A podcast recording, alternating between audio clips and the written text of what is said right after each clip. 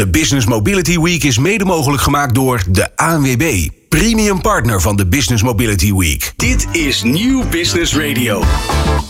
Je luistert naar De Ondernemer op Nieuw Business Radio. Het is de Business Mobility Week met Roland Tameling en Frank Duma. Wanneer is een deelscooter een slimmere keuze voor jou dan, je, dan een auto van de zaak? Hoe zinvol is een hogere reiskostenvergoeding voor medewerkers die de fiets pakken? En wat kun jij leren van het personeelsbeleid van Belgische bedrijven? Je hoort het wederom een uur vol verrassende vragen en nuttige antwoorden in dit tweede uur van de derde dag van de Business Mobility Week 2023. We gaan zoals gezegd verder over alternatieve vormen voor jou als zakelijke partij om zelf en ook je medewerkers zo goed mogelijk mobiel te houden. Gaan we daarbij echt overstappen van bezit naar gebruik? Uh, Bart Horsman, jij bent uh, vandaag onze co-host en expert bij mobiliteitsdienstverlener Shuttle. Um, wat is jouw gevoel hierbij? Gaan wij overstappen van bezit naar gebruik? Uh, ligt er aan de situatie. Ik denk dat het aantal mensen het heel graag willen en dat het ook gefaciliteerd kan worden.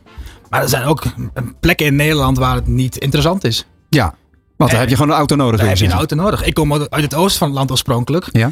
Ja, als je daar geen auto hebt, dan kom je niet ver. Nou hebben we ook wel uit uh, onderzoek dat we samen met de ANWB, hè Frank, ik kijk jou ook even aan. Jij bent uh, mobiliteitsexpert bij de ANWB. Hebben, uh, jullie hebben een onderzoek gedaan over de verwacht, verwachtingen van MKB'ers en ZZP'ers. Over of zij daadwerkelijk gaan overstappen van bezit naar gebruik. Opvallend is dat uh, de 27% van de MKB'ers zegt dat gaat nooit gebeuren. En bij de ZZP'ers zegt zelfs 50%. Nou, dat ga ik echt niet doen. Want ik heb mijn auto nodig en die wil ik zelf gebruiken. Dus dat, uh, dat bezit is, uh, is essentieel. opmerkelijk is ook dat um, van de MKB'ers 31% maar liefst zegt dat tussen de drie en de vijf jaar ze dat wel zien gebeuren. Dus je ziet wel een bepaalde kentering komen, met name bij die MKB'ers, die dus wellicht dit ook voor hun medewerkers willen gaan inzetten. Um, om het eens even praktisch uh, in te zetten, ook, ook met de mogelijkheden die Shuttle biedt. Um, op welke manier kunnen jullie hier een bijdrage aan, uh, aan leveren? Um, nou ja, we hadden het net al over mini-lease. Uh, dus het flexibele schil. Nou, dat, is dus, um, dat zijn dus de, de huurauto's, maar ja. ook deelvervoer die uh, bepalen zijn uh, om die, nou, of die tweede auto of die eerste auto te laten staan. Mm -hmm. Wat ik aangaf is, um, het is heel bepalend van waar je in Nederland woont. Als je in de stad woont, kan ik me heel goed voorstellen dat jij überhaupt geen auto wil. Want als jij de verplaatsingen binnen de stad hebt, doe je het graag met de fiets. Ja. Of je pakt het OV. Maar voor die dagen dat je wel naar een plek moet die met het OV niet goed toegankelijk is, dan is die huurauto, deelauto natuurlijk ideaal. Dus die personen hebben geen auto nodig. Wat zie je op het moment dat uh, jongeren op een gegeven moment in de fase komen dat ze gaan nadenken over kinderen, dan wordt het ineens interessant om die auto wel te hebben. Ja, ja, ja. Dus dat is een fase waarin je niet afhankelijk wil zijn van de fiets, de, de, het deelvervoer of de trein of de bus. En ik denk dat dat uh, het moment is dat je overgaat naar uh, een auto. In het buitengebied, of laat ik zeggen in de provincie, om hem zo maar even te benoemen, ja. kan deelvervoer een alternatief zijn voor die tweede auto. Want je hebt die primaire auto waar je mee naar A en B kunt, plaatsen, Mhm. uh, kunt verplaatsen. Mhm. Maar op die dagen dat nou ja, je partner de auto mee heeft en jij moet zelf ook naar een locatie, dat het misschien wel handig is om die auto te hebben. Ja, dan is een deelvervoer natuurlijk nou, de oplossing. Ja. En daarin proberen wij wel te faciliteren. We hebben daarom ook met een breed aanbod aan mobiliteitsopties. Van een check, uh, MyViews, Greenviews, Sixt Ja. uh, tot Amber. En um, juist door het aanbod en het gemak maken wij het mogelijk om heel, in heel Nederland, heel landelijk, eigenlijk deelvervoer te kunnen aanbieden. Is dat aanbod al breed genoeg, vind jij? Of zouden er op korte termijn nog veel meer aanbieders bij moeten komen? Nou, ik weet niet zozeer of er aanbieders bij moeten komen, want anders krijg je wel een heel erg gefragmenteerd landschap. Ja. Dat zie je al, want elke stad heeft een andere aanbieder en dat maakt het best wel complex. Ja. Um, Co-sharing, Felix, eh, check voor de scootertjes bijvoorbeeld. Ja, en dat, daarom zie je ook dat uh, nou ja, heel anders om wordt omgegaan met die scooter, want niemand voelt zich verantwoordelijk. Um, aan de andere kant denk ik wel dat uh, je ziet de, de mogelijkheden bijvoorbeeld in Amsterdam, Den Haag, Utrecht zijn uitgebreid als het gaat om deelvervoer. Ja. Ga je buiten de Randstad, dan wordt het een heel ander verhaal. Dus ik denk dat uh, vooral voor deelvervoer nog echt een kans ligt om ook in die, in die nou, middelgrote steden. Want we hebben meer dan 20 steden in Nederland, 30 volgens mij zelfs, Mhm. met meer dan 100.000 inwoners. Ze zijn best wel uniek in, in Nederland. In andere landen heb je veel grotere steden. Um, en daar is het veel meer gecentraliseerd. Wij zijn best wel een uitgebreid versnipperd nee, land. Bart, nou hoor ik jou over andere landen. Maar eh, Ja. ik hoorde Roland aan het begin van dit uur een vraag stellen. Een Ja. prikkelende vraag. Waarop wij, eh, als het goed is, in dit uur antwoord gaan krijgen. En dat ging over wat wij kunnen leren van Belgische bedrijven. Hoe kom je daar nou weer bij? We zitten hier toch in Nederland? Ja, dat is dus input van ene Bart Horsman van Shuttle. want die dat vertelde mij dit eventjes. Eh, Bart, wat doen Belgische bedrijven wat wij ook zouden kunnen slash willen? Nou ja, ik denk dat vooral de Belgische overheid iets faciliteert wat wij hier in Nederland ook kunnen faciliteren. En dat gaat weer om die financiële prikkel. Dus wat wij hebben hier 21 cent per kilometer als onbelaste vergoeding. Ja, reiskostenvergoeding. Reiskostenvergoeding, inderdaad. In België zeggen ze, ja, we willen eigenlijk die fiets meer stimuleren. Dus dan geven ze 27 cent onbelast voor de fiets. Dat is eigenlijk best wel raar, want je wil als Nederland wil je de auto laten staan. Je wilt mensen meer in het openbaar vervoer of op de fiets krijgen. Is goed ook voor de gezondheid, vooral na corona. We zien ook echt een scherpe stijging in het gebruik van fietsen. Maar waarom zou je als overheid niet gewoon zeggen, joh, geef 50 cent onbelast voor die fietsvergoeding? Mhm. Want dan maak je het echt interessant. Dan ga je echt ook investeren in een fiets. En ga je, nou, maak je nou ja, het verschil. En zoals we eerder concludeerden, zo'n financiële prikkel is het meest effectief om die dijk door te breken, zo Ja. gezegd. En wat ik heel mooi vind aan België, dat kunnen we echt van de Belgen leren, is dat ze daar ook hypotheek kosten aftrekbaar maken. Hypothecaire kosten. Ja, sorry, ja. inderdaad. Je hebt een hypotheek, dan maak je kosten op. Die kosten kun je aftrekken van je belastinguitgaven. als je minder dan 10 kilometer van je, werk, eh, van je werkplek woont. Oké. En waarom is die 10 kilometer zo belangrijk? Want dan maak je ten eerste minder eh, afstand qua woonwerk. Ten tweede is dat een afstand dat het heel interessant wordt om die fiets te pakken. Dus je pakt eigenlijk twee vliegen op één in één klap. En werkt dat dan ook? Hè? Want je zou kunnen zeggen, ja, dat, dat klinkt als een, als een eh, veelbelovend overheidsbeleid. Maar vervolgens vraag je dus aan mensen of ze notabene willen gaan verhuizen, dichter bij hun werk gaan wonen. Dat is best wel een, een, een stap natuurlijk, zeker in de huidige huizenmarkt. Heeft het effect? Ja, een van de steden die heel erg inzetten op dit soort eh, vraagstukken is de stad Antwerpen. Die best Ja. wel uitdagingen heeft. Ik weet niet of jullie wel soms naar Antwerpen te gaan. Die staat altijd vast. Zo min mogelijk. Nee, maar je staat altijd vast op die ring in Antwerpen. Ja, dat is verschrikkelijk. Ja. Dus zij hebben een programma dat heet Slim naar Antwerpen. En dan proberen ze eigenlijk met verschillende incentives eh, het toegankelijker te maken om naar Antwerpen te gaan. Met OV, met PNR. Ja. Maar dus ook kijken ze naar bedrijven. Zij hebben eh, fulltime acht mensen die continu inzetten om bedrijven te motiveren als stad zijnde. ja. Om mensen dichter bij hun werkplek te laten, laten wonen. En te gaan nadenken over hoe je andere vormen van vervoer kunt aanbieden. Ja. En ik denk dat wij in Nederland ook wel echt stappen zetten en heel goed bezig zijn. Als je dan kijkt naar de stad Amsterdam, Rotterdam. eh, maar ook een stad als Amersfoort is bezig om te kijken hoe kunnen wij verduurzamen. Waar je voorheen zag dat het allemaal vanuit landelijk perspectief werd gedaan, ligt het nu steeds meer een focus bij steden. Ja. Steden moeten verduurzamen. Die zitten met milieuzones, die zitten met gewoon heel veel problemen rondom pa- parkeren, eh, congestie, Ja. dus files. Ehm, dus die uitdagingen liggen nu veel meer regionaal dan landelijk. Nou, je ziet ook, eh, Frank, ik kijk weer even naar jou als medewerker van de AWB. eh, jullie zijn een voorbeeld van dat bedrijven ook steeds minder bang moeten zijn om eh, grote knopen door te hakken. Want jullie verhuizen binnenkort het hoofdkantoor van de Wassenaarse weg aan de rand van Wassenaar. op een locatie die heel goed bereikbaar is met de auto. Hè. Je rijdt de Utrechtse baan af, rechts, links en je bent er. Naar een locatie vlakbij het Centraal Station. Niet echt makkelijk te bereiken met de auto. Jullie krijgen als medewerkers en als bezoekers van de AWB veel minder eh, parkeerplaatsen. Maar het is een hele bewuste keuze. Kun je dat nog even, even uitlichten waarom dat is?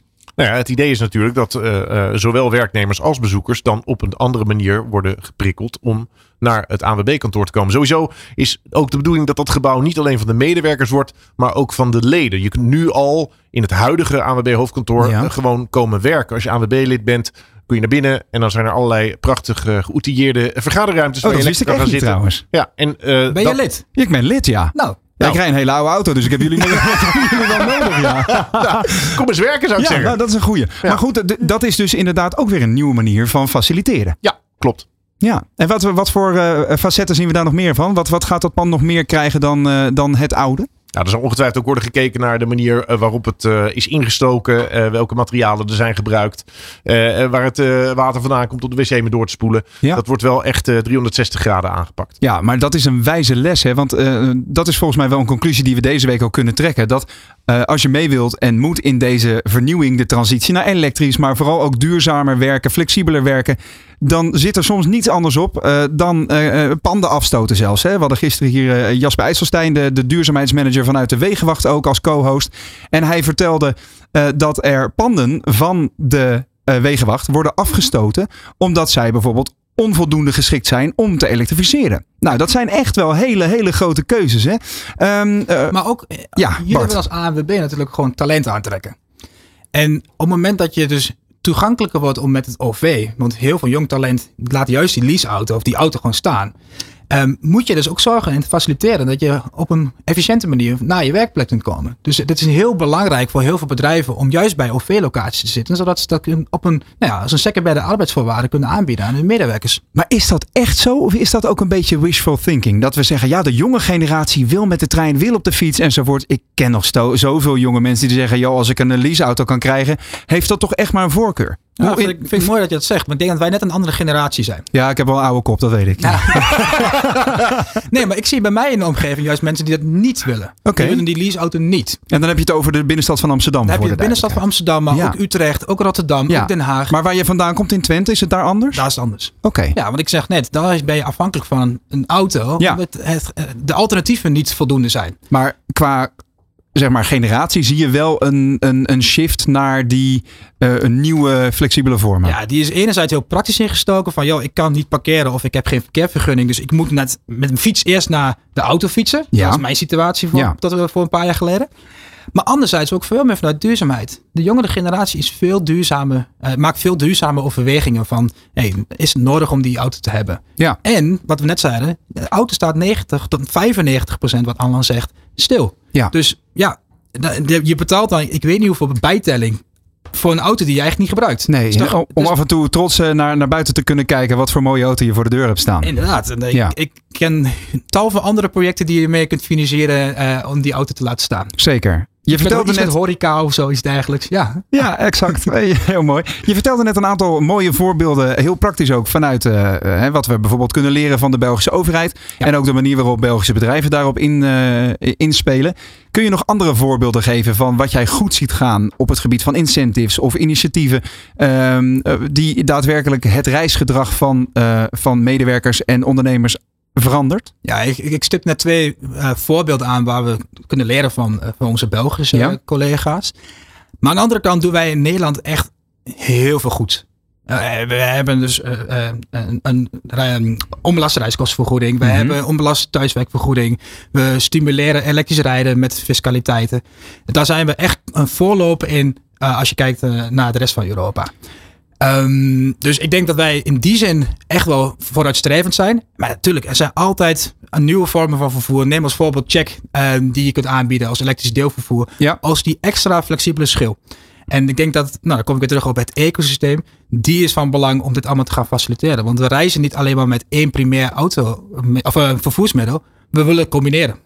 Hey Frank, jij zit aan de overkant van de desk. Maar ik herinner me ook wat afgelopen week gezegd werd. Jullie vanuit de ANWB krijgen zelfs een vergoeding om te lopen. Nou, dat was volgens mij eh, eh, eh, een, een, een, een, een, manier om kracht bij te zetten van als je op de fiets gaat, Ja? dan eh, verdien je die fiets sneller terug dan wanneer je met de auto naar je werk gaat. En Ja. Volgens mij zei eh, onze directeur toen inderdaad van, nou, schertsend van, nou, als je gaat lopen, dan verdien je je fiets terug.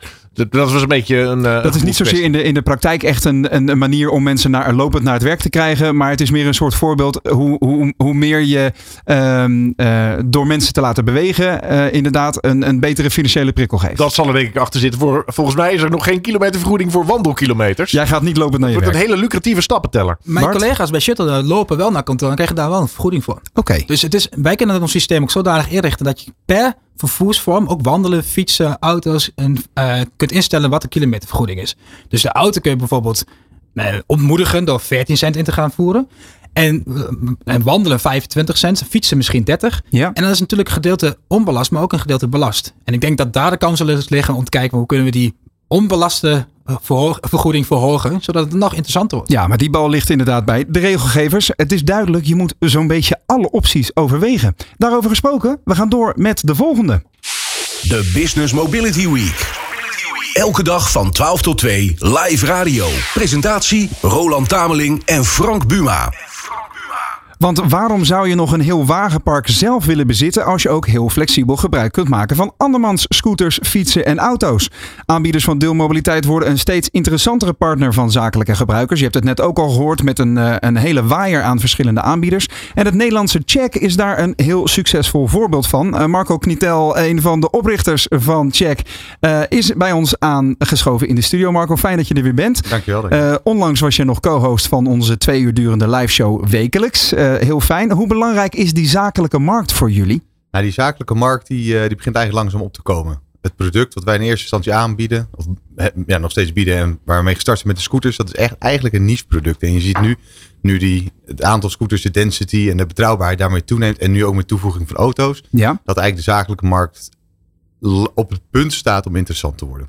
En waarom zijn jullie nu pas interessant dan voor die, uh, voor die zakelijke rijder? Nou, de zakelijke gebruiker die, uh, die, die, heeft, die, die, die, die hecht meer waarde aan de betrouwbaarheid van het product en minder waarde aan de prijs per se. Oké. Okay. Dus de consument is prijs uh, elastischer. of de vraag is prijs elastischer bij een consument dan bij een zakelijke gebruiker. En dat betekent dus ook dat je product ja, eigenlijk stabieler, betrouwbaarder moet zijn. Alvorens de conversie in het zakelijke segment toeneemt. Het is veel makkelijker om een een, een, een, een, een, een, student die het uh, zeg maar gewoon privé gebruikt te converteren, plat gezegd. Ja, ja. Dan iemand uh, die dat vijf dagen in de week gaat gebruiken op verschillende plekken in het land om zakelijke afspraken op tijd, ja, om daar op tijd te zijn. Ja. Maar dat begint nu te komen. Frank? Marco, waarom beschouwen jullie die scooter als een niche product? Nou, kijk hoeveel mensen de scooter rijden in Nederland. En dat is eigenlijk maar een heel klein groepje. Het is een heel klein product. Die markt is nog steeds heel groot. Alleen de echt om nog veel groter, de, de totale mobiliteitsmarkt, ja, daar is een scooter eigenlijk maar een heel klein onderdeel van. Maar dat is wel een hele mooie ja, koevoet om uh, mobiliteitsmarkt binnen te dringen. En is het een scooter of een snorfiets? Het is uh, afhankelijk van uh, de plek waar je rijdt. in Hilversum zijn het snorfietsen en in Amsterdam zijn het scooters. Dus ja, we, we, rijden met verschillende snelheden. Want met ingang van dit jaar is er natuurlijk een soort universele helmplicht. Voorheen moest je op een scooter al een helm op. Ja. Nu ook op een snorfiets. Merk je daar de gevolgen van? Nou ja, we, we doen er veel onderzoek naar. Uh, na elke rit op een bepaalde scooter met een bepaalde snelheid stellen we vragen daarover. Van wat vond je hiervan? Wat vond je van het gebruik van de helm? Zou je liever 25 rijden, liever 45? Nou, je kan je voorstellen met die uh, nou ja, 150 bij 200.000 ritten die je per week doet, dat je dataset behoorlijk groeit. Um, en, en we zijn daar eigenlijk nu de conclusies al uit aan het, uh, uit aan het opmaken. Uh, en je ziet eigenlijk de eerste resultaten die zeggen dat de heavy users, dus mensen die regelmatig, dus meer dan twee keer per week ons product gebruiken, dat die een voorkeur hebben voor 45 km per uur.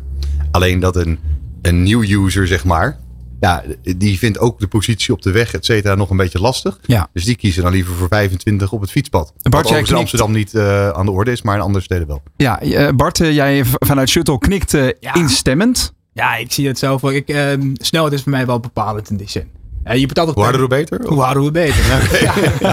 En je betaalt per minuut. Dus in die zin is het ook uiteindelijk onderaan de streep ook gewoon voordelig als je sneller op je, je, je eindlocatie komt. Overigens zijn de scooterritten uh, op de 45 km per uur scooters zijn bij ons langer dan op 25. Dus, ja, omdat, omdat het, ook de afstand dus ja, uh, groot is. Het wordt interessant om die rit te maken, omdat je dat, uh, ja.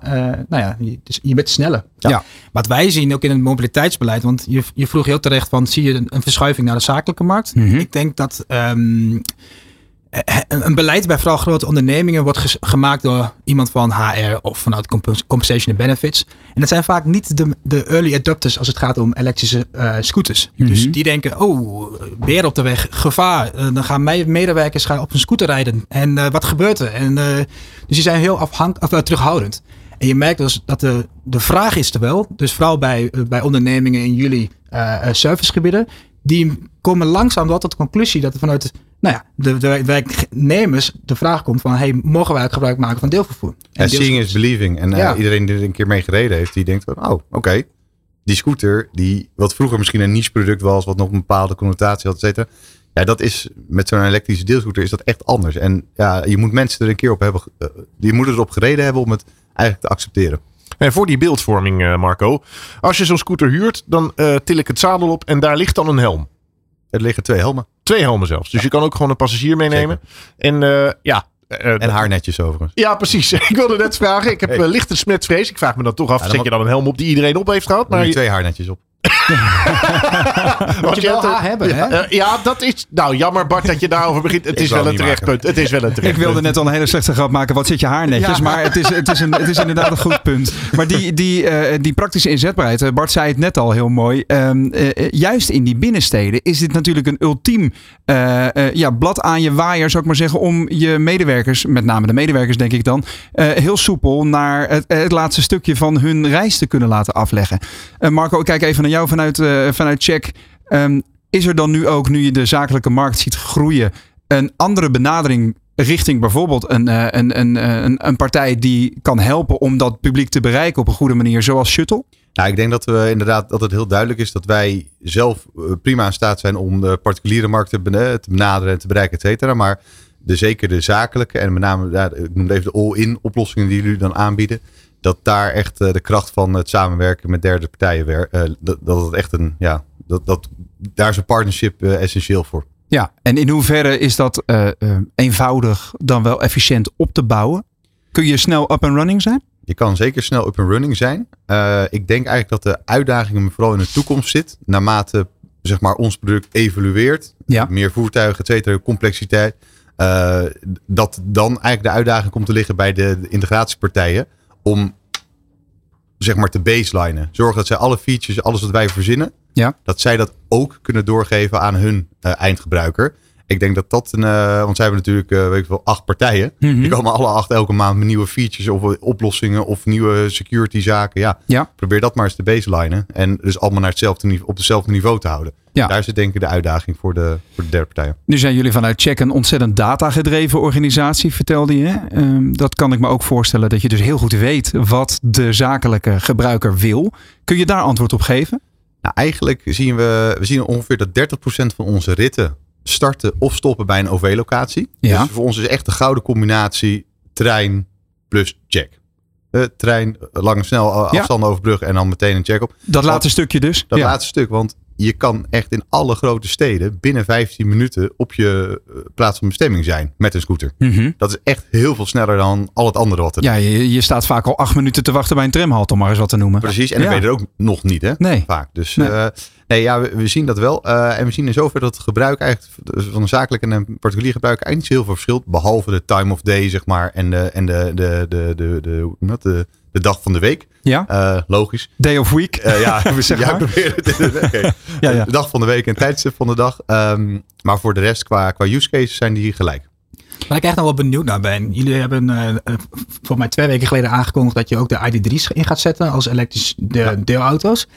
Ehm, in Düsseldorf kun je volgens mij ook met jullie steps eh, eh, rondgaan. Klopt. Eh, FDW heeft deze week in een jaarverslag aangegeven dat ze aan het kijken zijn wat er mogelijk is eh, als het gaat om eh, light electrical vehicles, dus LEV's, dus letterlijk de stepjes. Ja. Zie je dat ook als mogelijkheid als aanvulling op jullie bestaande eh, diensten? Want ik denk dat het nou, nog wat laagdrempeliger wordt op het moment dat je niet die scooter met die helm op hoeft, maar gewoon het laatste stukje met, met de step doet. Nou, zeker. Dat, dat is zeker laagdrempelig. En ook de vraag is, is daar een markt voor? Het antwoord is altijd ja. Want laten we zeggen dat je eh, 1 miljoen mensen hebt.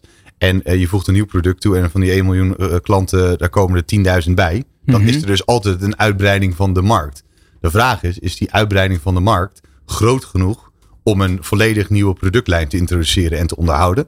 Met eh afbreukrisico op het eh, gebied van eh, vervuiling, ver, verrommeling, et cetera. Vandalisme, ook Vandalisme. niet te onderschatten element. Ik weet niet of jullie wel eens in Tel Aviv zijn geweest recent. Dat is natuurlijk ook zo'n zo'n technologische hub met allemaal jonge mensen die hip en, en happening willen zijn. De stoep, stoepen daar liggen werkelijk bezaaid met kleine elektrische stepjes. Waar mensen inderdaad ook nou, niet, niet zachtzinnig mee omgaan. To say the least. Nee, dat, dat klopt. En dat Mm. zie je in andere steden ook. Eh, dus ik moet eerlijk zeggen dat voor de Nederlandse markt een, een scooter die dusdanig zwaar is en ook niet eh, te verplaatsen is, als die eh, niet uh, geunlocked of open staat is, Ja. dat, dat is toch wel echt een goed product. In combinatie met die auto voor de ri- ritten naar buiten de stad. Eh, Wat ik leuker vind aan Check is dat elke scooter heeft zijn eigen naam. Eh, ik rij vaak, om, ik probeer vaak om mijn eigen eh, scooter te rijden. Ehm, Je dus zal het zien in de app, hè? Ja, het is, je kunt het zien in de app. En dat is dan Koningsrit. Dat is ook anders eh, eh, wat hier ne- neergezet. Dus ik- was eh, een paar keer lang de koning van Amsterdam. Ja. En ehm, wat ik interessant vind is, je maakt het namelijk persoonlijk dan. Maar zie je ook bijvoorbeeld dat er minder vandalisme is als bijvoorbeeld die scooter een vrouwennaam heeft? Daar hebben we niet naar gekeken. Ik denk dat Dat is wel een hele interessante. Nou, Ja. ik, zal dat is, eh, ik vind het een interessante vraag. We kunnen dat vrij makkelijk eh, boven water halen. Ja, maar het- de mensen zijn toch iets vriendelijker misschien met een, een, een vrouwelijk object. Ja, Marco, je zei überhaupt al ook eerder in gesprek met ons dat, dat het al wel een effect is dat jullie zien, omdat de, de voertuigen namen hebben, dat mensen zich sneller identificeren en dus ook iets Ja. beter voor, voor Paul of voor Marco zorgen, zo gezegd. Ja, voor Marco Zorg is altijd heel goed. Eh, nee, maar eh, eh, zonder grappen. Eh, de combinatie van die, die parkeerrating, dat je daar dus ook eh, een, echt een, zo'n coin voor krijgt. Dus een korting op je volgende rit. In combinatie met die naamfeature. Die combinatie wel echt heel sterk. En we hebben het nooit getest. We hebben nooit een AB-test. Want we hebben het nooit niet gehad.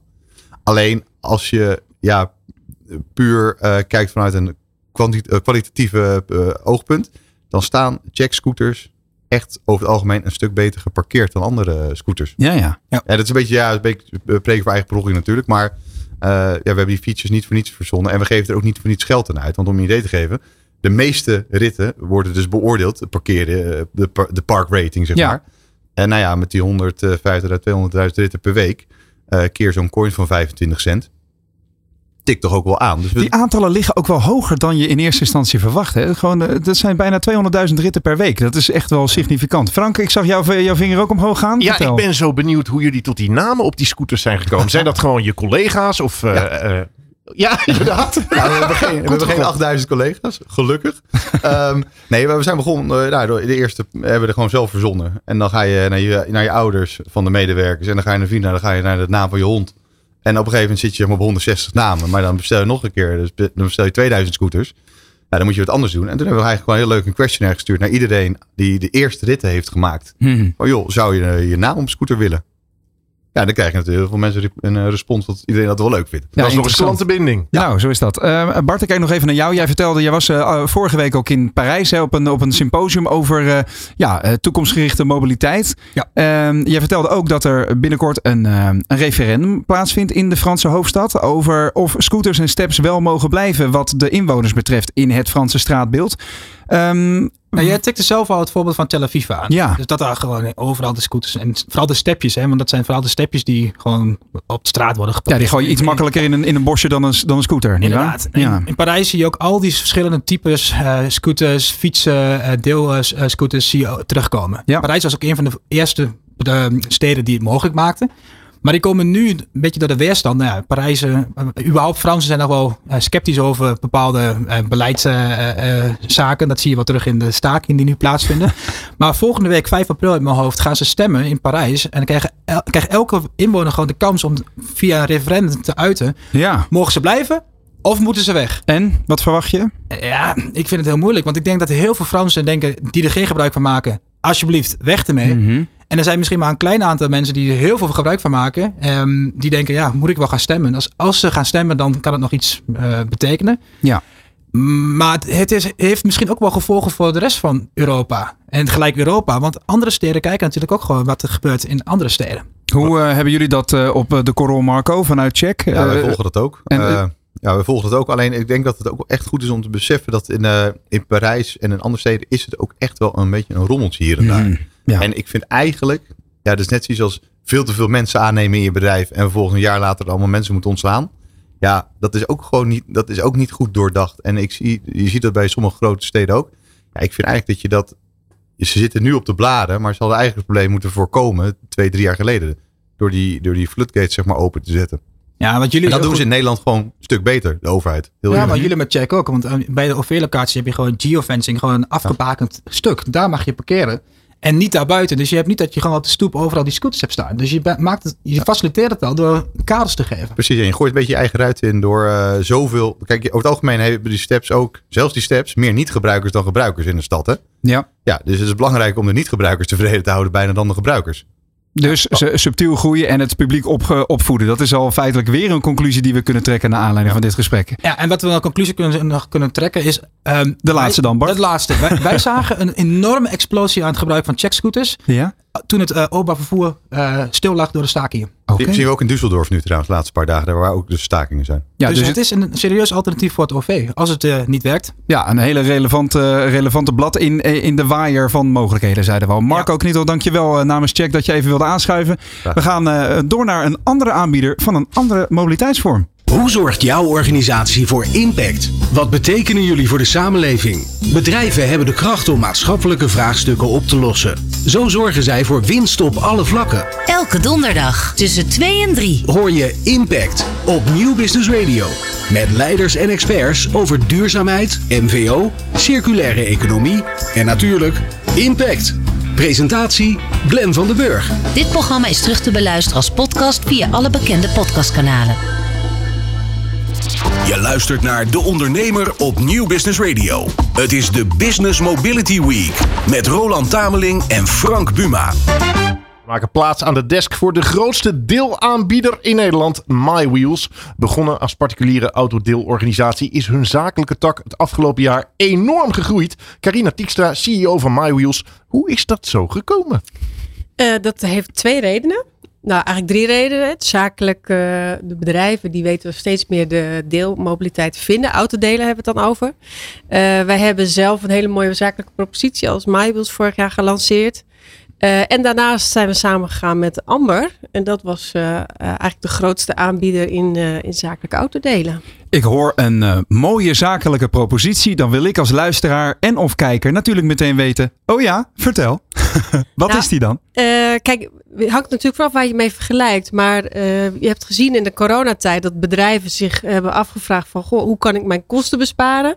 Uh, mobiliteit is een grote kostenpost. Dus uh, ja, wij bieden eigenlijk gewoon flexibele, flexibele mobiliteit. Dus je zit nergens aan vast. Je hebt geen vaste, vaste kosten. Je hebt een abonnement en je, en je betaalt naar gebruik. Dus ja. dat, is, dat is eigenlijk... Uh, het mooiste wat het uh, biedt. Daarnaast houden wij netjes bij hoe je rittenregistratie is. En vanaf volgend jaar moeten ze ook bijhouden hoe de CO2-uitstoot is. Ja vanaf 100 uh, medewerkers. Precies, en dat moet je dan rapporteren aan de overheid. Hè? Daar weet, uh, weet ja. Bart natuurlijk ook alles van. En, um, uh, dus daarmee, zeg maar, vooral die, die, administratieve rompslomp neem je voor een deel uit handen ja. voor de zakelijke klant. Mm -hmm. zijn er nog meer verschillen ten opzichte van de, zeg maar, de particuliere propositie?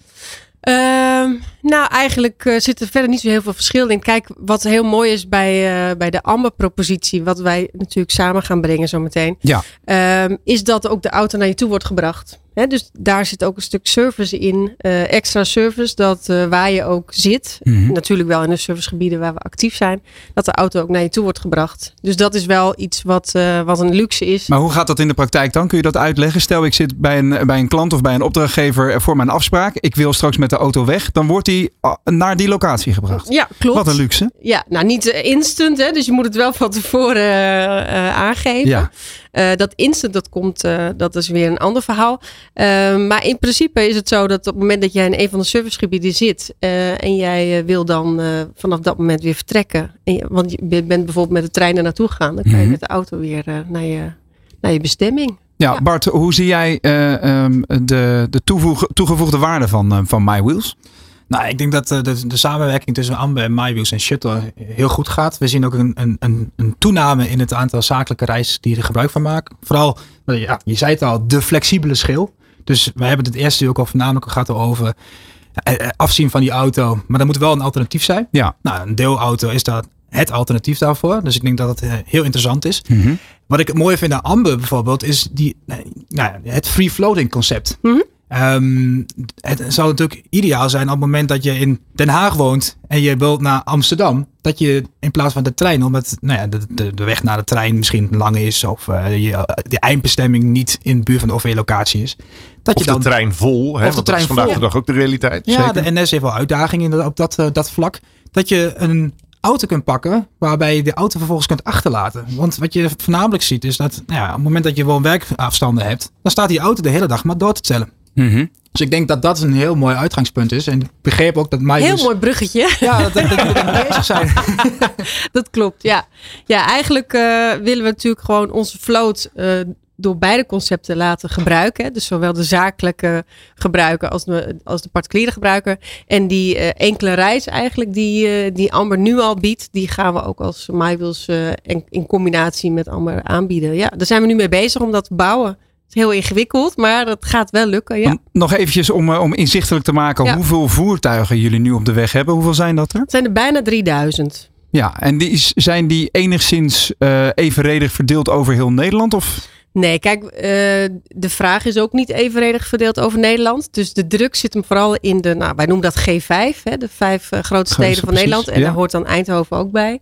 Eh, dus, ehm, dus daar is heel veel aanbod. Eh 60% van ons aanbod is nu elektrisch. Dus ze zijn vooral daar waar de vraag is. In het stedelijk gebied, grote steden, daar is de meeste vraag. Ja. Maar we zitten ook in, in Groningen of eh, eh, Wageningen of eh Den Leuk haakje Ja. trouwens, want ik heb er even een... Jullie zijn lekker bezig maar samen. gelijk Ga je ons even koffie aan? Ja, Ja, Groningen is zo'n zo'n zo'n zo'n provincie waar, nou ja, het is best uitgebreid en jullie hebben qua dekking nog wel, eh, kun je daar uitbreiden. Mhm. Maar we hebben natuurlijk net de provinciale statenverkiezingen gehad. Ja. En er wordt heel erg gekeken naar ook hoe E- OV wordt ingezet. Ja, of absoluut. deelvervoer en dat soort zaken. Wist je dat in Groningen 173 euro per inwoner per jaar wordt uitgegeven alleen maar om OV aan te kunnen bieden? En dat is, dat is de, de, ja, de provincie die de hoogste uitgaven heeft. In bijvoorbeeld Noord-Holland, waar Amsterdam eh, onder valt, is dat 32 euro. Ja. ter, ter, ter verhouding. Dus het zou misschien voor jullie heel interessant zijn om te zeggen, joh, we gaan daar veel meer auto's plaatsen. Want blijkbaar is nou ja, de bereikbaarheid in Groningen nog wel een uitdaging. Ja, dat, dat klinkt heel logisch inderdaad. Ehm, maar bij eh, deelauto's heb je een bepaalde dichtheid nodig. En het autobezit bij die Groninger is nog steeds vrij hoog. Omdat, eh, eh, ja, zij, je ziet ook dat de verschraling van het OV op het platteland... Daarvoor zorgen de, en dan maken zij de keuze van ja, ik ga weer een auto aanschaffen. Dus het klinkt heel logisch. En als ik per inwoner het bedrag krijg, kan ik waarschijnlijk ook wel rondrekenen. Maar ze zijn, het is zo verspreid, het zijn zulke kleine kernen. En één auto, zeg ik altijd, is geen deelauto. Dus dan zou ik in een kleine kern, zoals als we het hebben over Groningen, uit Huizen. eh, eh, ja, zou ik daar wel een, een deelauto of vijf moeten hebben. En dat kan gewoon niet uit. Mhm. Dus, Nee. het is, eh, ja, dus het klinkt heel logisch, zet het in het platteland neer. Maar je hebt echt dichtheid nodig. En schaarste eigenlijk eh, aan openbare ruimte. ehm, om, eh, om ook succesvol te zijn. Ja, Frank, eh, je had ook nog een vraag, zag ik. Nou, ik heb even op de website van MyWheels gekeken. En jullie hebben drie verschillende eh voertuiggroottes eigenlijk. Ja. Zo kan ik het eh, wel zeggen. Eh, klein, middel en speciaal. Ja. Speciaal vond ik wel een hele intrigerende. Krijg je dan zo'n auto zoals we die in het vorige uur van Hertz voor de deur hadden staan? Een of andere hele snelle elektrische auto? Ze zijn wel snel. ja, nee, dus dat zijn, eh, dat, zijn zo, eh, dat zijn de wat grotere auto's. Dus het is, zijn niet eh, enorme SUV's, maar dat zijn wel bijvoorbeeld een Hyundai Kona of een Kia Inero. Die zijn wat groter, die zijn wat comfortabeler en die zijn dus daardoor ook ietsje, ietsje kostbaarder. Maar nog steeds redelijk betaalbaar. Maar dat zijn niet van die, ja, ik weet niet wa- wat voor, ik zit niet zo in Het was die, een eh, Polestar 2, dus dat met, met nee, alles nee, erop en nee, eraan. Nee, Dat, zijn, dat, dat, dat soort dingen hebben wij niet, nee. Hebben die auto's wel elk hun eigen doelgroep, vroeg ik me af. Nou, je ziet dat ehm, eh, er is een hele specifieke doelgroep die wil gewoon 100% elektrisch rijden. Eh, dat zijn ook veel de zakelijke gebruikers. Ja. Die, eh, die willen dat graag. En die houden ook meer van een Kia Inero dan van een Citroën C1. Oké, Dus dat wel, ja. Bart. Als je kijkt naar ondernemers, eh, heel veel ondernemers hebben ook gewoon letterlijk die transporten nodig om van A naar B te verplaatsen. Een aantal van jullie uh, doen dat ook. Zijn jullie ook van plan om daarop in te gaan zetten? Dus dat je niet alleen maar personenvervoer hebt, maar ook dat je je bedrijfswagen kunt huren via MyWheels? Nee, dat, dat is voor ons nu. Wij moeten zo focussen op dat, datgene waar we goed in zijn. En dat is echt een, een niche eigenlijk. Uh, dus dat doen wij nog niet. Nee. We hebben net uh, uh, Marco Knietel van Check hier aan boord gehad, ook in de studio. En zij zijn in begonnen, in, in beginsel natuurlijk, een scooter aanbieden, dus tweewielers. Um, breiden nu uit langzaam maar zeker naar deelauto's die vier wielen hebben. Geldt dat wellicht voor jullie ook andersom, dat jullie van de vierwielers de tweewielers ook omarmen?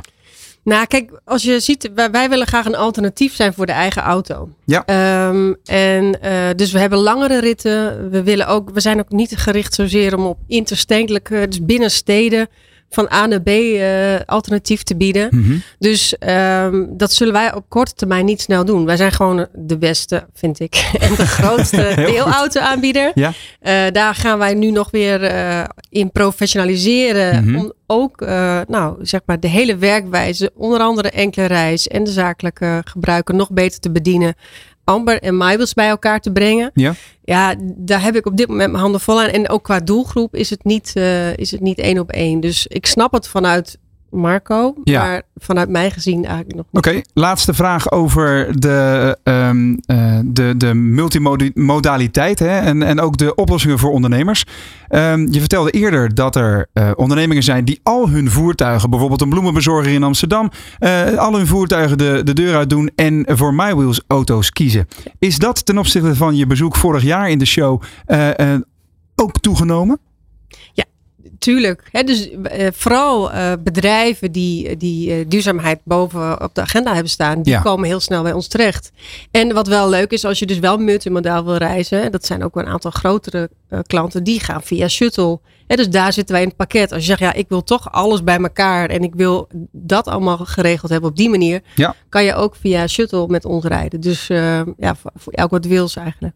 Het is duidelijk, jullie zijn ervan overtuigd dat er maar 1 miljoen auto's nodig zijn om heel Nederland mobiel te houden. En eh, als ik het zo hoor, eh, zijn jullie hard op weg om, om die missie in ieder geval eh, vorm te geven. Dankjewel Carine Tiekstra voor je snelle komst naar de studio en even ons bij te praten over de zakelijke initiatieven van MyWheels. Hoe ontketen je de kracht van mensen in organisaties? People Power brengt je de laatste wetenschappelijke inzichten en praktijkvoorbeelden. Over leiderschap en leren, betrokkenheid en bevlogenheid, inzetbaarheid en inclusie. Voor leidinggevende, HR-professionals en adviseurs. Omdat mensen het verschil maken in jouw organisatie. Elke maandag live om 3 uur. En als podcast via peoplepower.radio of jouw favoriete podcast-app. De Business Mobility Week. Elke dag van 12 tot 2 live radio. Presentatie Roland Tameling en Frank Buma. Ja, het is vandaag een eh, uitzending over eh, heel veel opties die je hebt als, eh, als ondernemer om mobiel te zijn. Maar het lijkt wel een soort sneltrein waarin we zitten. Want we hebben net auto's gehad, we hebben deelmobiliteit gehad. eh, eh, en we gaan nog even een item doen over fietsen. Want in de studio aangeschoven is Klaas Hartmans, eh, eh, de, de general manager van eh, Lease a Bike. Ehm, dat gaat dus over fietsen. Klaas, van harte welkom in de show. Ehm, laten we maar eventjes, gezien de, de tijd die hard doortikt, een soort power pitch doen. Wat voegen jullie toe aan die hele waaier van keuzes die ondernemers hebben op het gebied van zakelijke mobiliteit? Nou, eh, ten eerste superleuk eh, dat ik hier vandaag aanwezig mag zijn. Vinden wij ook. Want we hebben het natuurlijk over alterna- alternatieve vormen van mobiliteit. Maar dan komen we nu bij de enige vorm van mobi- mobiliteit die natuurlijk voor iedereen is. En als we het dan hebben over alle 9 miljoen werkenden in Nederland, dan kan in principe alle 9 miljoen werkenden kunnen fiets van de zaak uitzoeken. Ja. En eh, nou ja, dat is natuurlijk de ambitie die wij hebben. We zijn natuurlijk begin 2020 gestart met Leasebike in Nederland. Hè. Toen werd het ook mogelijk om een fiets van de zaak weer aan te bieden. Hè. We kennen natuurlijk allemaal de oude fiets van de zaak tot 2015. Is toen in de WKR terechtgekomen. Nou, en daar is nu de nieuwe fiets van de zaak voor teruggekomen. En die is in principe voor iedereen. Eh, en ehm, ja, ik denk dat dat een hele mooie stap is. Wat is er nu anders dan voorheen dan? Als we even eh, vanuit de positie denken van mensen die niet weten waar je het over hebt. Ja, nou ja, kijk, tot 2015 had je de oude fiets van de zaak. Nou, super succesvol. Hè? Eh, alleen er was tot 750 euro kon je dan een fiets cadeau doen als werkgever. Ja. Eh, nou, die is toen in de WKR terechtgekomen. Nou, we weten allemaal, de WKR die zit eh, binnen no time vol. Kerstpakket hier, een keertje bolen met het team. De werkkostenregeling. Werkkostenregeling, Ja. ja. En, en dat hebben ze helemaal losgelaten. Hè, dus nu mag je als werkgever mag je gewoon iedere fiets ter beschikking stellen aan je medewerkers. Ja. Nou, en wat we zien in de praktijk is dat het gewoon 80% dit moment e-bike is. Hè, en die e-bike, ik denk dat dat ook goed is om voor de luisteraars om te weten, Mhm. is dat dat is gewoon echt een gamechanger voor de mobiliteit. Wat zie je veranderen dan? Nou, we hadden natuurlijk de normale fiets, hè, die we al omarmd hadden in Nederland. Alleen daar kon je max, hè, daar, daar was enkele reis 7 kilometer. En je ziet dat met de e-bike is de bereidheid om te fietsen is fors toegenomen. Ja. En eh, zelfs zo fors dat het nu 15 kilometer is. Wat mensen acceptabel vinden om op Ja. een e-bike af te leggen. Hè, dan ben je ongeveer eh, een dik half uur onderweg. Nou, dat Ja. is een hele mooie fietsbare afstand. En als je een cirkel om de gemiddelde werkgever in Nederland eh, trekt, dan woont ook 51 of 52 procent woont ook binnen die straal van 15 kilometer. Nou, eh, betekent het dan dat straks iedereen op de fiets gaat? Nou, ja, wij hopen het wel. Maar laten we alleen eerst maar eens zorgen dat mensen op dinsdag en donderdag wat vaker op de fiets stappen. Ja, dat zou ons denk ik al met z'n allen heel veel helpen. Ehm, jij geeft aan ehm, eh, dat, dat inderdaad het, het vooral valt en staat met, eh, met de bereidwilligheid ook van de medewerker en de ondernemer zelf. Ik vind jullie tagline heel mooi. Great minds lease a bike. Hoe ga je die great minds dan overtuigen van deze toegevoegde waarde? Ja, nou dat is, eh, dat is mooi dit vraag. We hebben, kijk, we zijn natuurlijk ergens in 2020 gestart en je ziet dat, dat de groei zit er nu goed in. En we hebben gisteren gister toevallig een nieuwe enquête uitgestuurd onder onze bereiders. En die is in, eh, in de afgelopen 12 uur meer dan 4000 keer ingevuld. Oké. En kun je En- al iets zeggen ja. over de respondenten? Ja, nee, ja, Wat ze wat, zeggen? wat je dan ziet is, hè, we stellen dan ook de vraag, ben je meer gaan fietsen? Hoeveel meer ben je gaan fietsen? Nou, je ziet dat 70% is meer gaan fietsen naar woon-werk. Eh 74% is ook meer gaan fietsen privé. Ja? Ja. Maar waar het dan echt om draait is, hè, vervangt die fiets ook een ander vervoersmiddel? En dan zie je dat van die groep, hè, die aangeeft dat het, een, dat het een ander vervoersmiddel vervangt, Ja. dat het bij 7 op de 10 eh, eh, autoritjes vervangt. Nou ja, en daar doen we toch met z'n allen voor. Hè, om, om, om zoveel mogelijk medewerkers toch, toch hè, meer op de fiets, eh, fiets te krijgen. Dus, Bart, eh, hoe belangrijk is de fiets in jouw eh, opinie? Nou, heel belangrijk. Ik ben een fervent fietsgebruiker. Mhm. Eh, binnen de stad eh, fiets ik met mijn stadfiets en ik heb een racefiets. Dus we maken ook ritten eh, zelfs naar het kantoor. Dat Ja. is eh, 60 kilometer, dus dat is best nog een afstand. Ehm, en ik denk dat, maar, nou ja, precies wat Klaas zegt, het is een hele mooie aanvulling om de mensen uit die auto te krijgen. Volgend jaar moeten bedrijven met meer dan 100 medewerkers gaan rapporteren wat hun CO2-uitstoot is. Zeker. Nou, dat is wel in eerste instantie altijd een rapportageplicht. Maar geloof mij, daar komt straks ook een individuele normering op. Want we moeten richting 2030 gewoon gaan verduurzamen met Mhm. z'n allen. Dus minder CO2 uitstoten. Nou, als je nu al inzet om die medewerkers eh, qua gedrag op die fiets te krijgen, heb je straks alleen maar voordelen op het moment dat jij individueel als bedrijf je CO2 naar beneden moet brengen. En met individuele normering bedoel je dus per bedrijf een, een soort doel waar je aan moet voldoen. Ja, maximum gewoon. Je Ja. mag maximum zoveel uitstoten gemiddeld per kilometer CO2. Mhm. En dat wordt over je totaalmobiliteit wordt gekeken. Dus ja, je kunt investeren in een elektrisch wagenpark. Je kunt ook verduurzamen. Eigenlijk waar het om gaat is dat je anders, schone, minder reist. Ja. En de- anders reizen betekent fiets pakken of OV in plaats van de auto. Schone betekent gewoon het wagenpark verduurzamen. Kan enerzijds elektrificatie zijn. Anderzijds, nou ja, private lease. eh, eh, het interessant maken om zuinige auto's te gaan laten rijden. Maar ook minder reizen. Dus Mhm. die zakelijke afspraken kun je ook digitaal doen. Of je kunt gaan thuiswerken. Dus bedrijven krijgen, moeten straks ook eh, gaan sturen. En veel meer gaan werken naar het verduurzamen van een organisatie. Ja, Eh, Klaas, een van de punten die eh, niet voor de grootzakelijke luisteraar dan wel de MKB'er interessant is, maar vooral voor de ZZP'ers, dat er ook voor die mensen heel veel voordelen zitten aan het inzetten van een zakelijke fiets. Mhm. We hebben het gisteren al even kort aangestipt, maar jij bent veel meer thuis in die materie. Kun je even opsommen wat die voordelen zijn? Ja, zeker. Dus eh, wij, wij hebben ook altijd de tagline eh, binnen Leasebike van ZZP tot ING. Dus eh, ja, we doen, ook, we doen ook veel grote werkgevers. Hè. Dan werken we vaak ook samen met partijen als Shuttle of andere aanbieders. Maar voor die kleine ondernemer hè, is het natuurlijk heel, heel, is het heel erg belangrijk dat je het zo eenvoudig mogelijk maakt. En wat, we daar dus, wat we daar dus ook gedaan hebben is... Kijk, zo'n ZZP'er die moet je gaan behandelen als een consument. Dus voor een ZZP'er is het belangrijk dat als hij in een lokale fietsenwinkel staat... en die lokale ondernemer die adviseert hem over hè, een speed pedelec of een e-bike van een zaak... Ja, Ja, dan moet het geen keuze meer zijn voor die, voor die ondernemer of je hem koopt of leest. Hè? En waar wij, naartoe, waar wij nu naartoe zijn gegaan, hè, in de afgelopen drie jaar, want dat vergt natuurlijk wat ontwikkelingstijd, Mhm. dat wij voor die kleine ondernemers alle kredieten tot 75.000 euro binnen 15 seconden goed of af kunnen, keur- keur- kunnen keuren. 15 seconden? Ja, binnen 15 seconden weet je of het wel of niet eh, krediet tot 75.000 euro kan krijgen. Hè, en en, en, en hè, er zijn meer, kijk, er zijn een miljoen ZZP'ers, maar Ja. ook meer dan 300.000 bedrijven tussen de 52 medewerkers. En juist die doelgroep, hè, daar ligt voor de fiets ook een hele grote kans. Want wat Bart ook eh, eerder in het programma aangaf, hè, Bart komt uit Twente, nou ik ben origine Fries. hè, eh, ook daar kan die fiets een hele mooie rol spelen en zeker met de e-bike erbij. Hè, dus ook die bedrijven die passen perfect bij ons als, eh, als leasebike en zijn bij ons van harte welkom. Eh, Bart, nog, eh, nog even over het gebruiksprofiel van, van de, de, de shuttle-gebruiker. Zien jullie dan ook een toename van het aantal fietsen, eh, fietsenritjes als je het vergelijkt met, met pak een beetje een jaar geleden? Nou ja, ik denk dat de explosie heel erg zichtbaar is geweest sinds corona. Want Mhm. toen moesten we op een andere manier naar het werk. We Maar- wilden niet met OV. Maar is die ook blijvend? Die is blijvend. Die, die stijgt alleen maar door. Dus ook met, in combinatie met leasebike, maar ook gewoon hogere vergoedingen. Ja, Ehm, worden steeds, het, het wordt steeds aantrekkelijk om die fiets te pakken. maar dat is best een opmerkelijk verschil ten opzichte van alle andere gewoontes die we dus, eh, waar we eigenlijk in het oude gedrag zijn teruggeschoten. Hè? Meer in die auto, eh, minder OV, want, eh, en ook niet dat thuiswerken wat we, wat we zouden blijven doen. Maar we zijn dus allemaal wel meer gaan fietsen. Ja, we zitten nu op 10% denk ik dat er gebruik wordt gemaakt van de fiets. Ja. Maar even alles in perspectief. Hè, dat is nog steeds 75% van alle ritten doen we met de auto. Dus we hebben nog een weg te gaan. Er zit nog wel wat eh, winst. zeker in. Maar we komen echt nog van nog lager. Dus ja, ja, we maken een stijgende lijn door. Eh, en die kan nog steeds doorgezet worden. Maar we zijn er nog niet. Nee, en daar komt de Leasebike natuurlijk dan weer om de hoek kijken. Dus eh, eh, Klaas, eh, Klaas Hartmans, dankjewel, eh, General Manager bij Leasebike.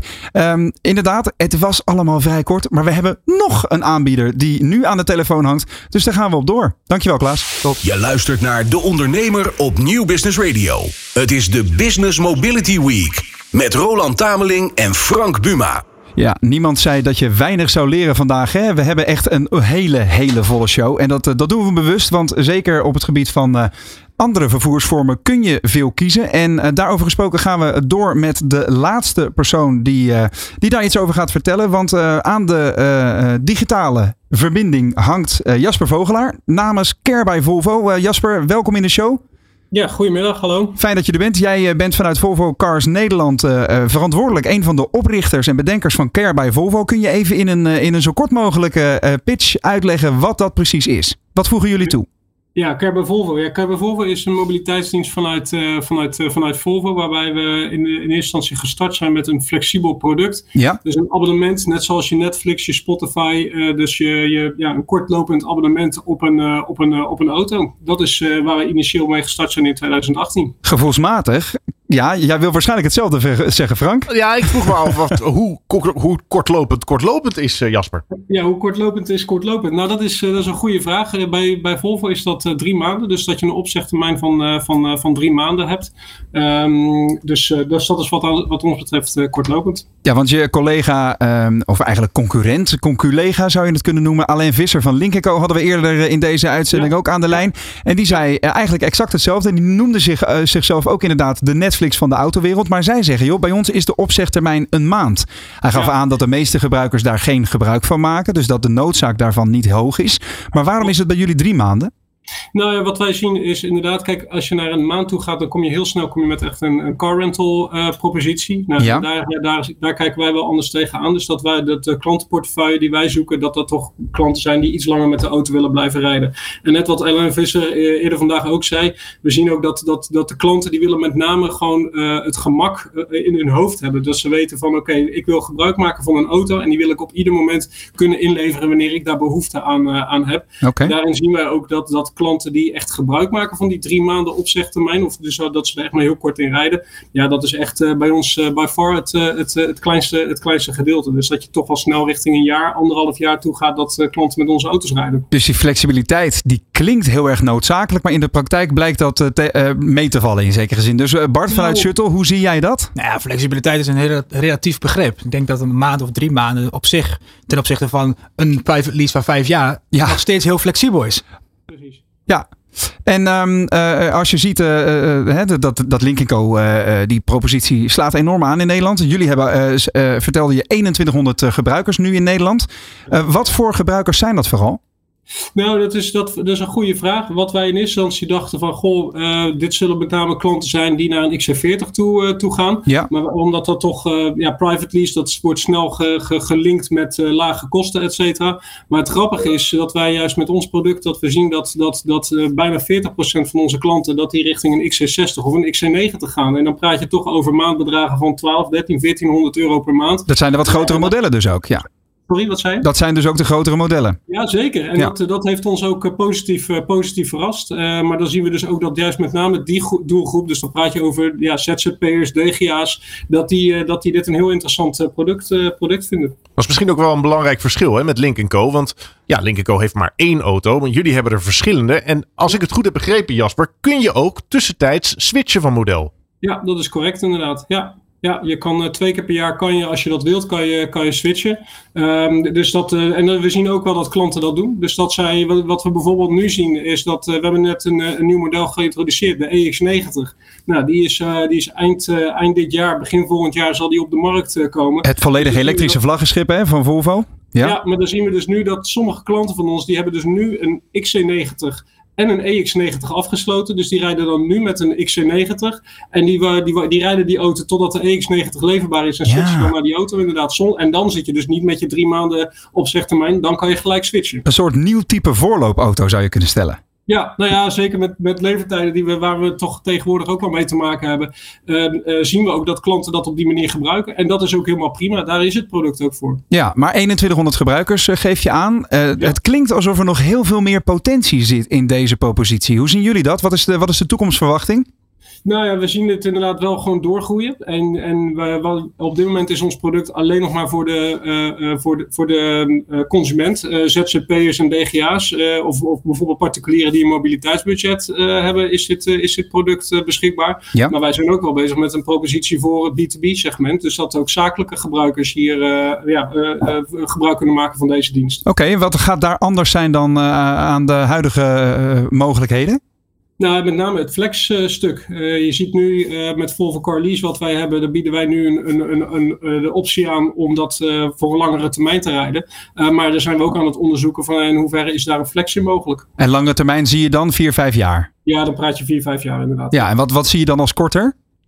Uh, ja, dan praat je eigenlijk gewoon over die drie maanden. Dus ons, ons flexproduct, wat wij nu ook voor particulieren hebben, dat we dat dan ook voor de zakelijke markt gaan, uh, gaan uh, uitrollen. Heel goed. En, en per wanneer zou dit operationeel moeten zijn? Ja, dat is nog een, uh, dat is een goede vraag. Uh, daar, uh, daar zijn we volop zijn we daarmee bezig. En daar hopen we. Ik kom later graag bij je in de uitzending terug om daar iets meer over te vertellen. Ja, perfect. Maar jullie merken dus wel dat er een, een, een, een bereidwilligheid is en ook een wens vanuit het publiek zakelijk om deze vorm van mobiliteit te omarmen. Ja, zeker. Want wat we nu zien is dat we dus dat, dat die ZZP'er, die dus eigenlijk als particulier die auto afsluit, da daar is dit een prima propositie voor. Maar sommige, uh, sommige mensen zeggen toch echt van ja, ik wil echt die kosten toch op mijn, op mijn bedrijf hebben. Nou, die mogelijkheid bieden we nog niet. Maar die vraag die komt geregeld, komt hier voorbij. En vandaar dat wij hier uh, dan ook uh, ja, heel veel van verwachten als wij dit uitgerold hebben. Nou, dan kom je dat inderdaad bij deze uitnodiging, dat is uitgebreid, desnoods in de wekelijkse show van de ondernemer live, dat er nog ja, eens uit te komen, te komen leggen. Er zit precies ja. in de doelgroep.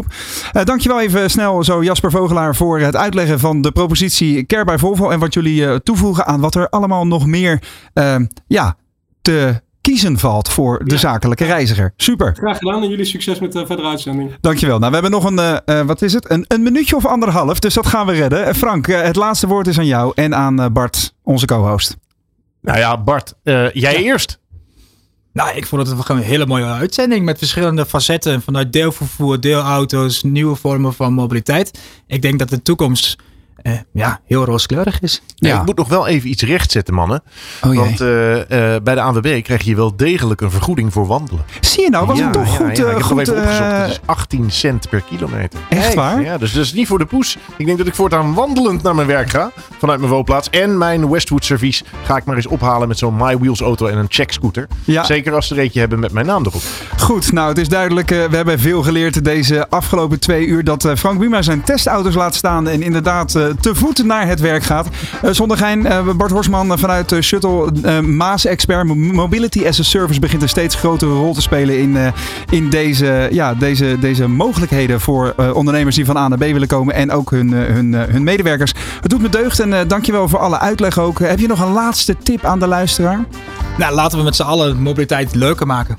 Nog leuker? Nog leuker. Nou, heel goed. Daar gaan wij de komende twee dagen nog over door. Morgen hoor je namelijk twee uur lang, tussen 12 en 2 natuurlijk weer, een uitzending die geheel in het teken staat van uh, de busjes. Bestelwagens in allerlei vormen. Hier voor de, voor de studio wordt de stoep nogal druk bezocht. Dus uh, daar ga je allerlei uh, voorbeelden van zien. Frank Buma is er natuurlijk ook weer. Net als de rest van de collega's van de AWB, de Radiofabriek en de Ondernemer. Graag tot morgen. Je luistert naar De Ondernemer op Nieuw Business Radio. Het is de Business Mobility Week met Roland Tameling en Frank Buma. Deze uitzending werd mede mogelijk gemaakt door de ANWB, premium partner van de Business Mobility Week.